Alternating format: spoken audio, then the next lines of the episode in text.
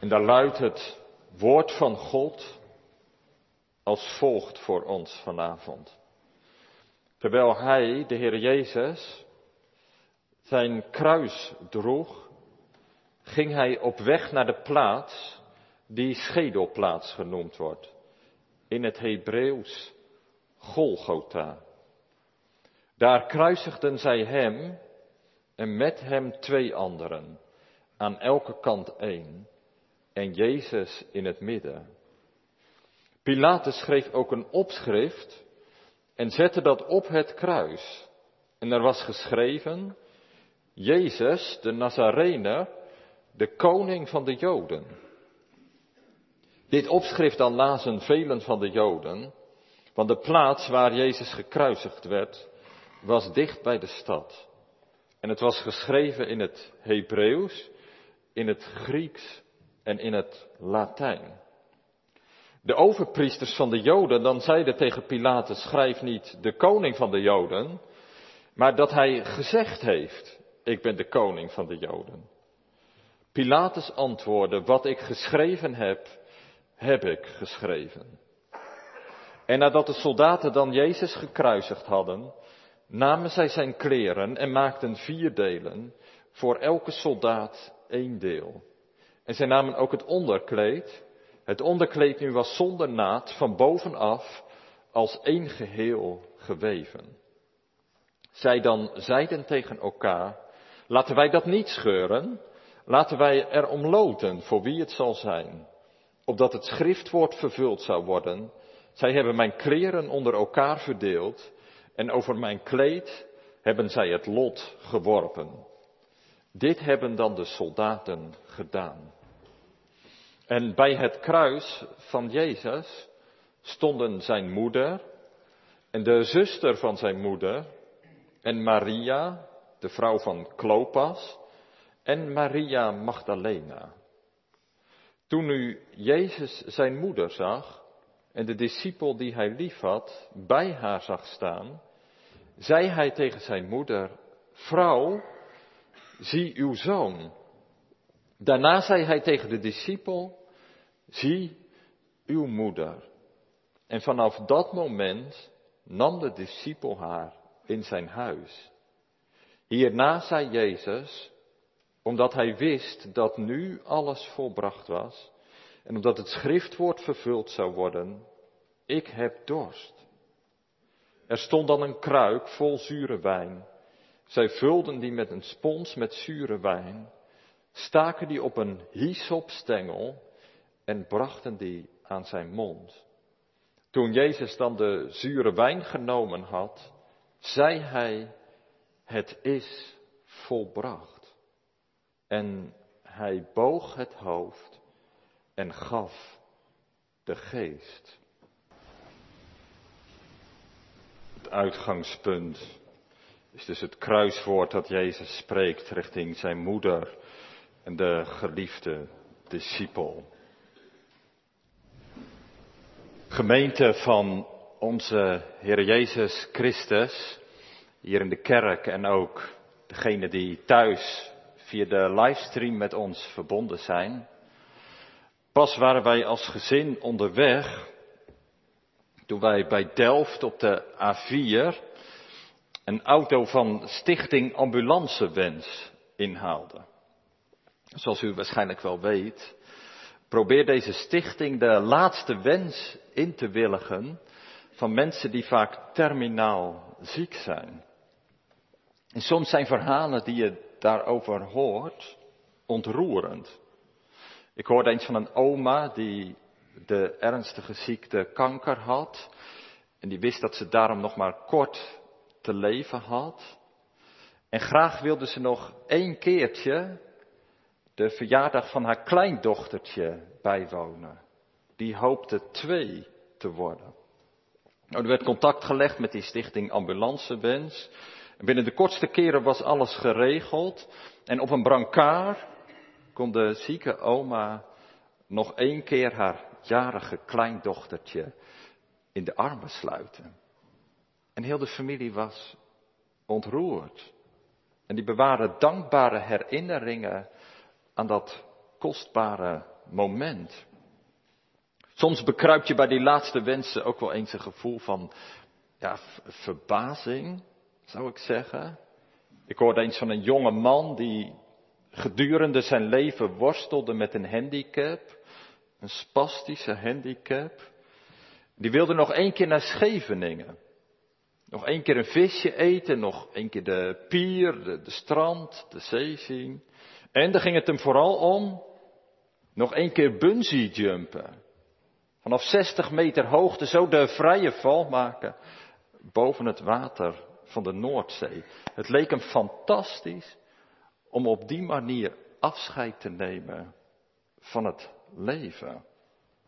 Nou, ook zo'n wens, wat je er ook van vindt, wordt door zo'n stichting ambulancewens moeiteloos uitgevoerd. Nou, toen wij, die auto inhaalden, toen bedacht ik me even van, stel dat ik dat bericht zou krijgen. Dat je nog maar kort te leven zou hebben. Wat zou ik dan eigenlijk willen in mijn laatste fase? Waar gaat mijn hart dan naar uit? Waar wil ik mijn laatste tijd, mijn laatste energie dan graag aan geven? Ook alweer een indringende vraag. Vind je ook niet? Nou, vanavond beluisteren we de laatste wens van de Heer Jezus. En wat indruk maakt, is dat Christus helemaal niet in de weer is met zichzelf in zijn laatste ogenblikken. Niet wat hij belangrijk vindt in het leven, niet wat hij nog graag een keer zelf wil of nog iets wil meemaken.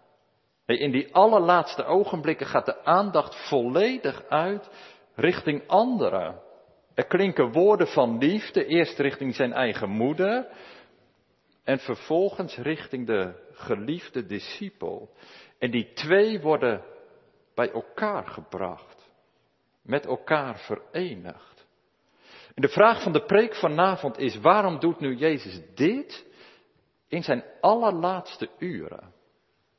En welke boodschap ligt hierin vervat, verscholen voor u, jou en mij vanavond?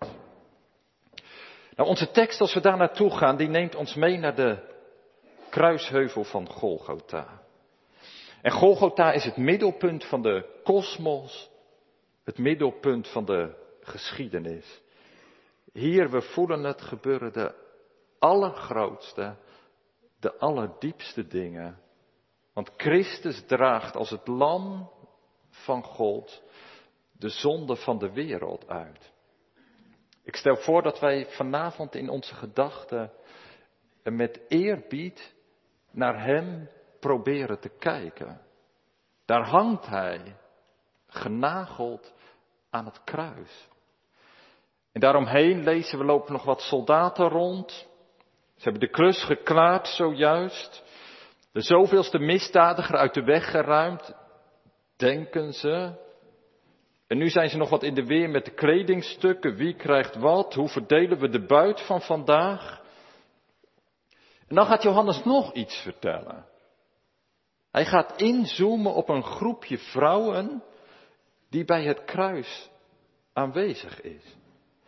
En dan noemt hij, laten we ze langslopen, om te beginnen Maria, de moeder van Jezus. En ik hoef vanavond denk ik maar heel weinig woorden te gebruiken om duidelijk te maken dat zij hier dramatische momenten doormaakt. Want aan het kruis hangt haar kind. Nou, misschien zijn er onder ons die weten wat het is om een kind te verliezen. Iemand die zei eens, als je een kind verliest, dan verlies je niet een ander, zoals bij een partner of bij een ouder bijvoorbeeld. Maar als je een kind verliest, dan verlies je een deel van jezelf. Dan scheurt je hart dwars door midden. Dan raak je een deel van je ziel kwijt. Een kind verliezen. Dat is wat Maria op dit moment aan het overkomen is in onze tekst. En al eerder heeft ze bij het graf van haar man gestaan. Zo is het vermoeden dat Jozef ook al gestorven is. Dus ze ging als weduwe door het leven, een kwetsbare positie in die tijd. Je bent op de hulp, de bescherming van mensen om je heen aangewezen. Psalm 146 hè, zegt dat zo mooi. Van het is de Heere die de weduwe en de wees staande houdt. Juist ook in twistgedingen, in rechtszaken. Zo is Maria waarschijnlijk al tijdenlang een moeilijk leven. Maar vandaag op de kruisheuvel scheurt ook haar moeder hart. Ze moet haar oudste, ze moet haar bijzondere kind loslaten. Naast Maria, vertelt de tekst, staat haar zus. Ze is de zuster van Maria, lezen we. Dus een tante van de Heer Jezus. En wie zij verder geweest is, is onbekend. Er zijn uitleggers die suggesties hebben gedaan wie het zou kunnen zijn en hoe ze zou zijn geweest. Maar dat blijft wat onzeker. Waarom is deze tante op Golgotha? Wil ze haar zus steunen en troosten in deze zware uren? Of dat zou ook kunnen, is er in haar meer gebeurd en heeft ze ontdekt, de gekruisigde Jezus is meer dan alleen mijn neef. En heeft ze hem ook als haar redder, als haar verlosser leren kennen. Nou, hoe dan ook haar presentie op de kruisheuvel als zodanig is al bijzonder. Ze is niet weggevlucht zoals vrijwel alle anderen, maar ze is trouw. Trouw aan haar zus, trouw aan haar neef, tot het laatst toe. Trouw, hoe kostbaar is dat? Dan staat er nog een derde vrouw bij het kruis, die ook de naam Maria draagt. En dan zegt de schrijver erbij dat dat de vrouw is van Klopas. En dat is eigenlijk wel een interessant detail, want ongetwijfeld weet u dat een van de Emmausgangers in het evangelie Cleopas wordt genoemd. Een kinderbijbel, als je die thuis erbij zou pakken, dan is dat zeker het geval, denk ik. Die tekenen, als het over de Emmausgangers gaat, bijna altijd twee mannen. En die twee mannen die lopen dan vanuit Jeruzalem teleurgesteld terug naar het dorpje Emmaus. En toch is dat nog maar de vraag of dat twee mannen zijn geweest. En misschien is dat zelfs wel een beetje apart. Want woonden die twee mannen dan samen in één huis? En wij maken in onze tijd, laten we eerlijk zijn, dan al gauw de associatie met een homoseksueel stel? Dat zou toch wat opmerkelijk zijn in het hart van het paasevangelie. En het staat ook nergens zwart op wit in de Bijbel dat het twee mannen zijn geweest. Ik denk, het kan niet anders of het is een echtpaar geweest. En de man, die wordt dan bij name genoemd, Klopas, Cleopas.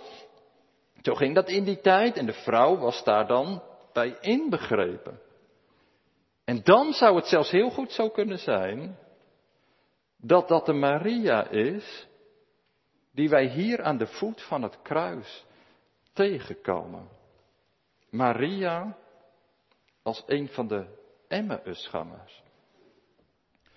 En ja, voor haar moeten het dan ook loodzware momenten zijn geweest.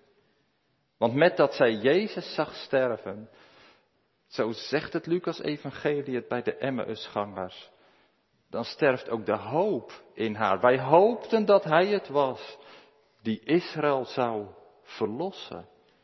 Maar wat moet je met een Jezus die gestorven is? En dan nog de vierde vrouw. Dat is ook een Maria, een veel voorkomende naam in die dagen. En dat is Maria Magdalena. En Maria Magdalena is de vrouw die ooit door zeven demonen bezeten was. Die kwade machten die haar leven stuk maakten, die haar beheersten, die haar in de greep hadden. Maar de Heer Jezus had haar op een dag ontmoet en die had haar bevrijd van die demonen. En ze was een heel ander mens geworden. En meer dan wie ook maar had ze Christus lief gekregen. En meer dan wie ook maar was ze achter hem aangegaan, had ze in hem geloofd, was ze hem gevolgd. Maar nu breekt ook haar hart. Want hoe moet Maria Magdalena verder leven zonder haar redder, zonder de Heer Jezus? En zo schildert de evangelist Johannes vier vrouwen, vier verdrietige vrouwen, die samen rond de stervende Jezus staan. En je zou bijna medelijden met ze krijgen. Niet waar? En toch is dat niet de bedoeling. Ik denk de schrijver die brengt het met een ander doel in beeld. Stuk voor stuk zijn deze vrouwen voorbeelden, ook voor ons vandaag. Want zij volgen de Heer Jezus en zij doen dat helemaal. Zij zijn Hem trouw, zelfs tot in de dood. En de vraag naar ons toe is, doe ik dat ook? Wat betekent navolging in mijn leven? Hoe trouw ben ik aan de Heer Jezus, juist op spannende momenten, juist als het erom gaat spannen. Er is een uitspraak die zegt, Jezus heeft veel liefhebbers van de hemel, maar weinig dragers van het kruis. Dat is wel een heel diepe zin. Veel liefhebbers van de hemel en weinig dragers van het kruis. Hoe zit dat bij mij? Hoe comfortabel wil ik leven? Wil ik geloven? Echte navolging van de Heer Jezus doet ook pijn. Want het betekent alles loslaten ter wille van Hem.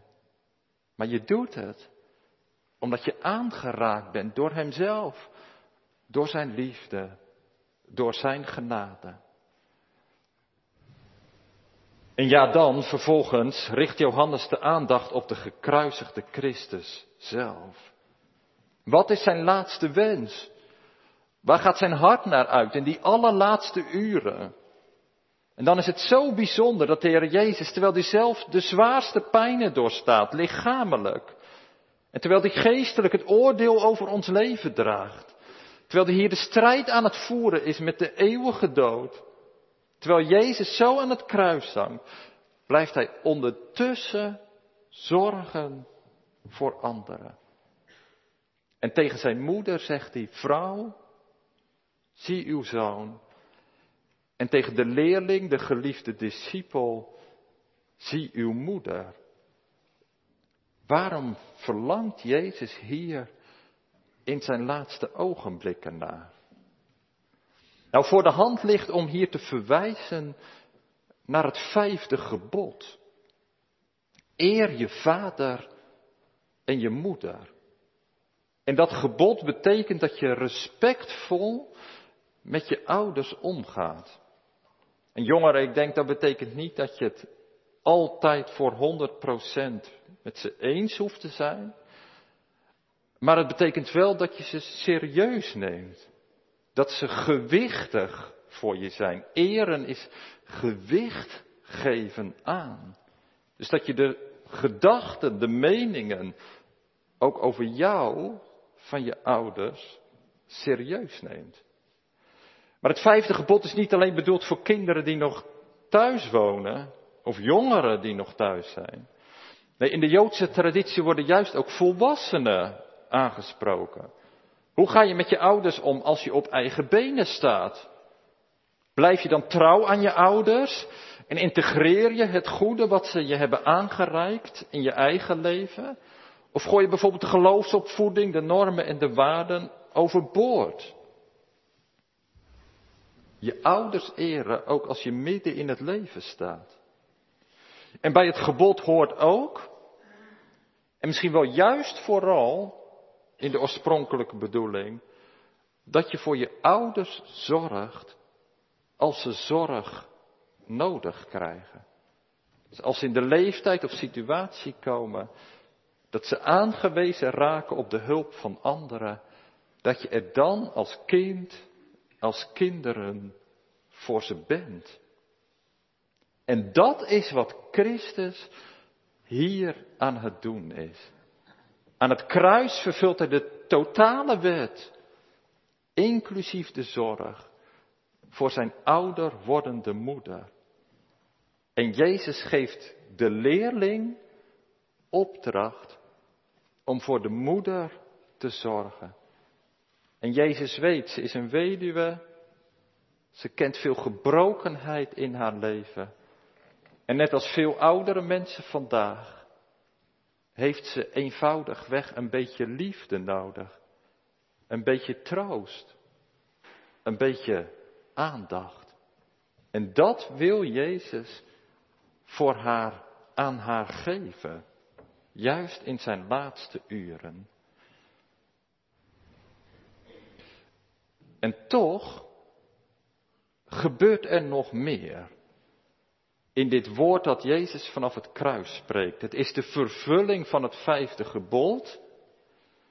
Maar Johannes is een diepzinnige Bijbelschrijver. En ik denk, je mag hier zeggen, lijnen uit geheel de Bijbel, die komen, die vloeien hier samen. En dat ontdek je door nog net wat preciezer naar de woorden te kijken die de Heer Jezus gebruikt. Tegen zijn moeder zegt hij, vrouw. Dat is opmerkelijk. Dat deed hij de andere keer ook al in het Johannesevangelie. Als hij zijn moeder aanspreekt. Dat is helemaal aan het begin. Bij de bruiloft in Cana. Dan zegt Jezus tegen zijn moeder, vrouw, wat heb ik met u te maken? En het klinkt bijna een beetje afstandelijk. Als je het goed beluistert.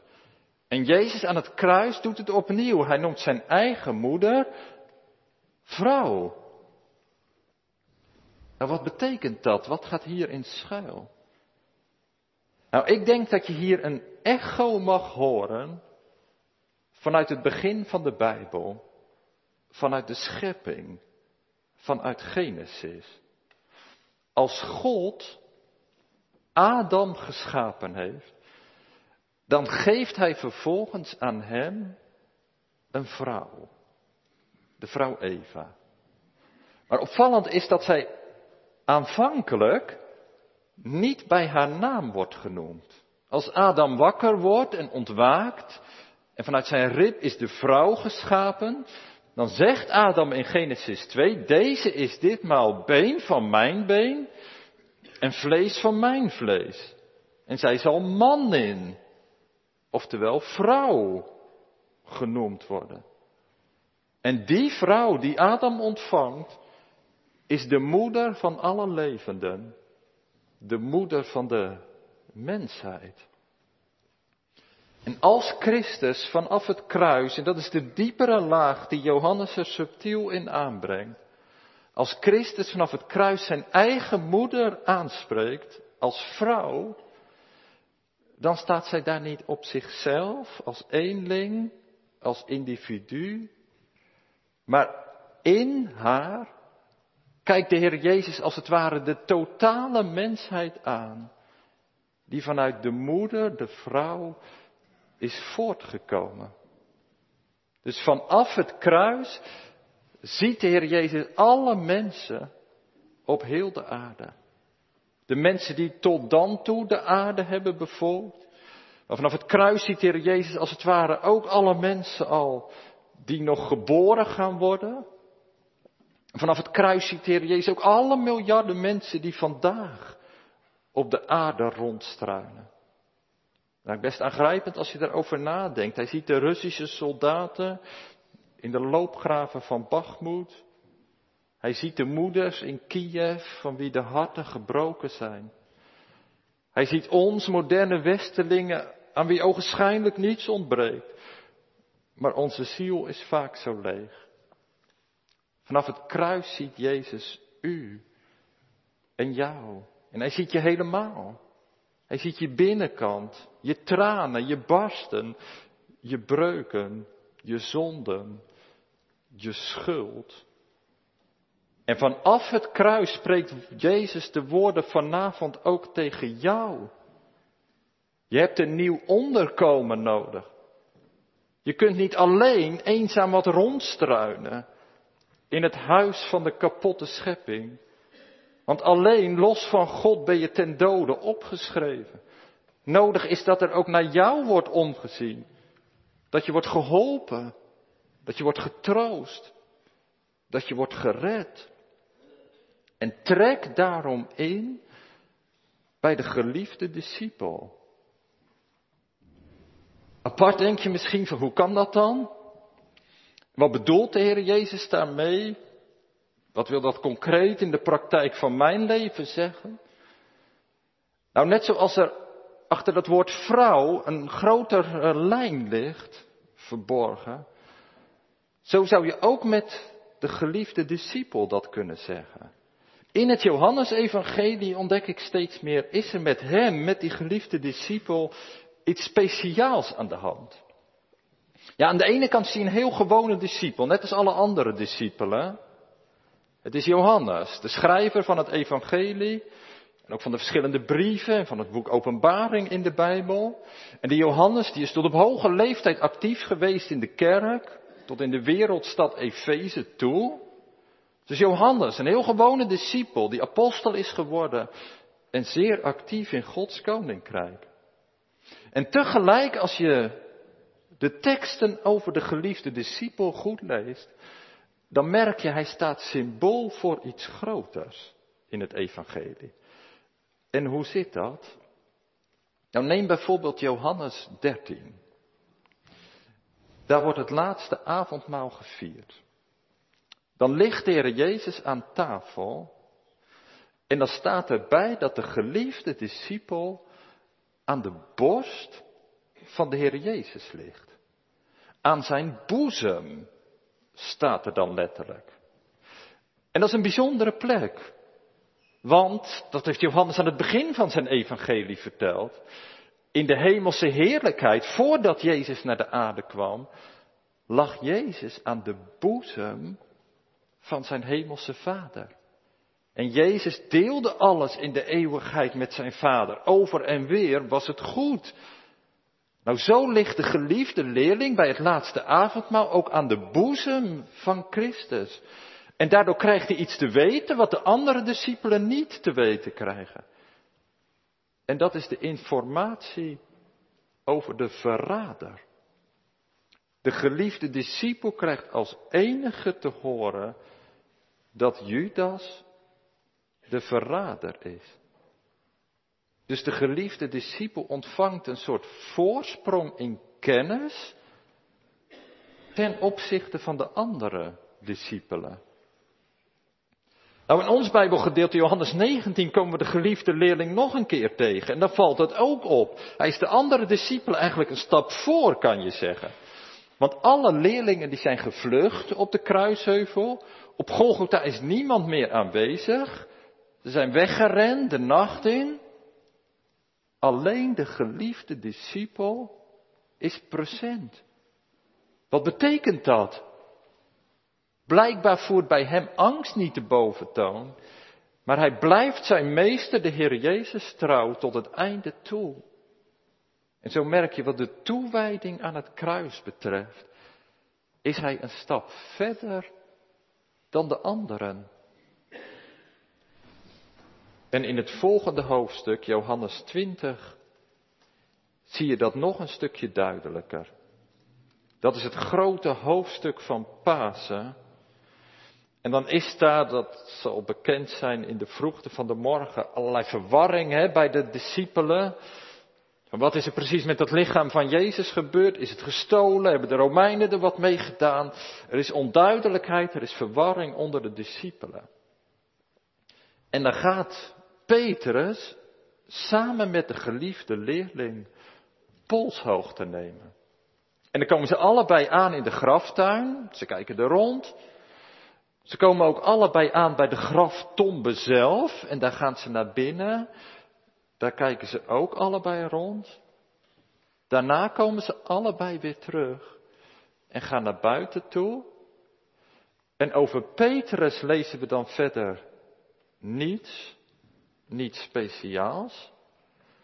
Maar over de geliefde discipel lezen we dan, hij zag het en hij geloofde.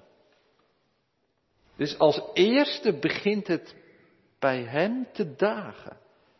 Dat er geen sprake is van roof van het lichaam van de Heer Jezus. Maar als eerste breekt er iets van het paaslid bij hem door. En begint hij te geloven dat Christus leeft.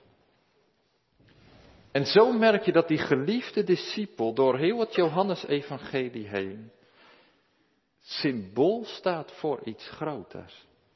Hij laat aan ons als lezers zo gezegd zien wat geloven is. Het is schuilen aan de boezem van Jezus. Om te horen wat Hij zegt. Om Zijn openbaring te vernemen. Zijn kennis tot je door te laten dringen. Het is schuilen bij het kruis. Omdat je gelooft, daar sterft Christus tot verzoening van al mijn zonden. En het is geloven in het open graf. Christus leeft. De toekomst is aan Hem. De machten van de zonde, de boze en het kwaad zijn overwonnen.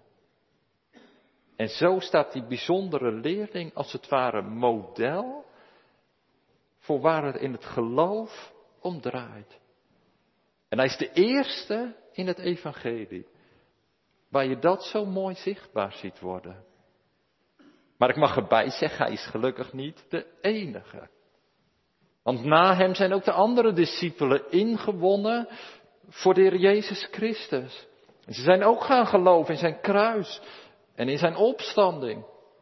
En zo is dat doorgegaan tot op de dag van vandaag. Mogen er mensen op deze aarde zijn die zich aan de Heer Jezus overgeven. En die in Hem gaan geloven. Die achter Hem aangaan. En zo ontstaat er op aarde een nieuwe gemeenschap. Een nieuwe familie. Een nieuw gezin. En dat is de christelijke kerk. Vanaf het kruis schept de Heer Jezus de kerk. En begint de kerk voet aan de grond te krijgen. En zo ga je het kruiswoord van de Heer Jezus nog dieper peilen. Want de verloren mensheid, u en ik, wij worden uitgenodigd om ons onderkomen te vinden in de nieuwe geloofsgemeenschap. Kom, voeg je erbij. Blijf niet ronddolen in je eigen leven, maar vind beschutting in het huis van Christus kerk. En hopelijk mag je iets van die vreugde ervaren. Ook hier in Linde, in deze kerk. En natuurlijk, er zal vast van alles mis zijn met de kerk. En we weten in onze tijd, als je het gewoon een beetje om je heen eens zo vraagt, de papieren van de kerk staan lager genoteerd dan ooit. Misschien ben je jong en twijfel jezelf ook wel eens van wil ik eigenlijk wel bij de kerk horen? Die club van mensen en zo, hoor ik daar wel echt bij? Maar mooi is en belangrijk dat je verder leert kijken dan al het menselijke van de kerk. Dat je mag geloven, de kerk is veel meer dan een groepje mensen die in een gebouw samenkomen. Maar het is de plaats, hier, op deze plaats, hier mogen wij geloven. Dat het kruis van de Heer Jezus over de eeuwen heen, dat het vrucht draagt. En hier op de plaats waar we nu zijn, mag iets zichtbaar worden van de nieuwe geloofsfamilie van de Heer Jezus. Hier op de plaats waar we nu zijn, waait de wind van de Heilige Geest. En die wil ook door jou heen waaien. De kerk is de plaats waar je thuis mag komen. Waar je troost kan vinden. In leven en in sterven. Waar alle vragen en twijfels en verwarring en ongeloof uit je weg mag stromen. en waarin je het mag geloven, ook voor jezelf. Vanaf het kruis ziet Christus mij. En hij doorstond die donkere uren, ook om mij te redden. En te midden van alle broeders en zusters in de kerk mag ik het leren om in Hem te geloven en met vallen en opstaan achter Hem aan te gaan. En daarom houd ik van de kerk. En daarom heb ik de kerk nodig. Omdat Christus hier is. Omdat Hij mij hier onderdak geeft. Omdat Hij mij hier de troost geeft in leven en sterven. Gemeente, laatste wens. Nog één keer een verjaardag bezoeken. Nog één keer naar Scheveningen. De laatste wens van de Heer Jezus is van een totaal ander niveau. Vanavond kijkt Hij vanaf het kruis ons in de ogen. En Hij zegt, mijn laatste wens is dat u, dat jij onderdak vindt bij mij, in mijn gemeente, met het oog op mijn toekomst. En daarvoor zegt Jezus, geef ik alles, zelfs mijn leven, aan het kruis. Is de laatste wens van de Heer Jezus al in vervulling gegaan in uw en in jouw leven? Amen.